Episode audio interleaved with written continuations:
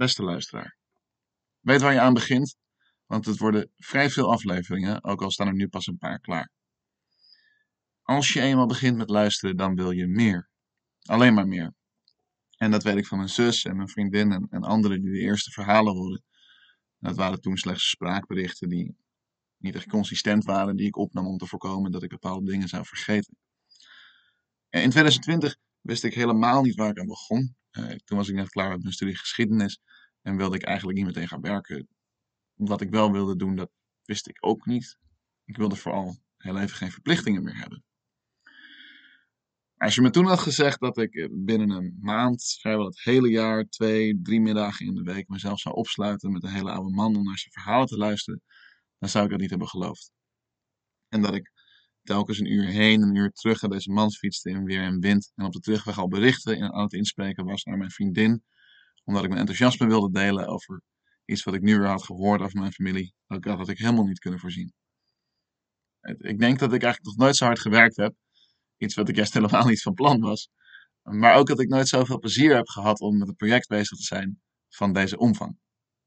Ik had echt geen flauw idee dat er zoveel verhalen waren in mijn familie. En dat deze ook heel erg boeiend waren.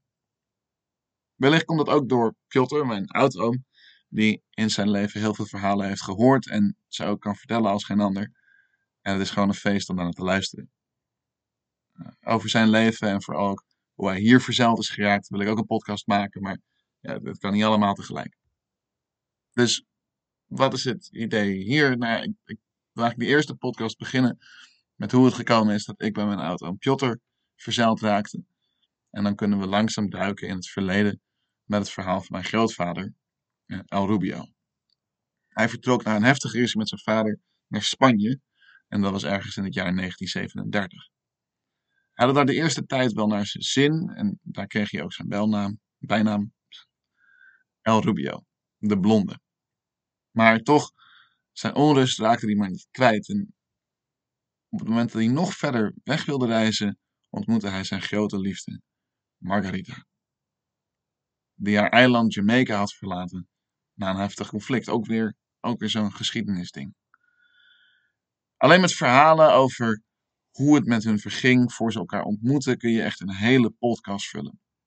Maar we zullen beginnen op het advies van Piotr, die de deskundige is op eh, het gebied van vertellen van verhalen, met het prachtige, prachtige verhaal over hun ontmoeting in een Spaanse havenstad.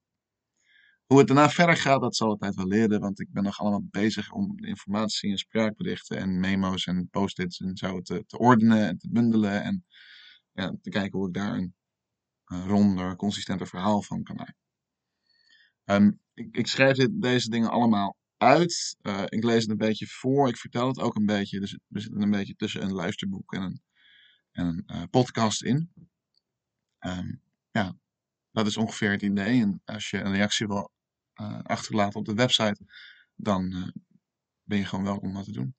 En ik hoop dat je dit net zo leuk vindt als ik.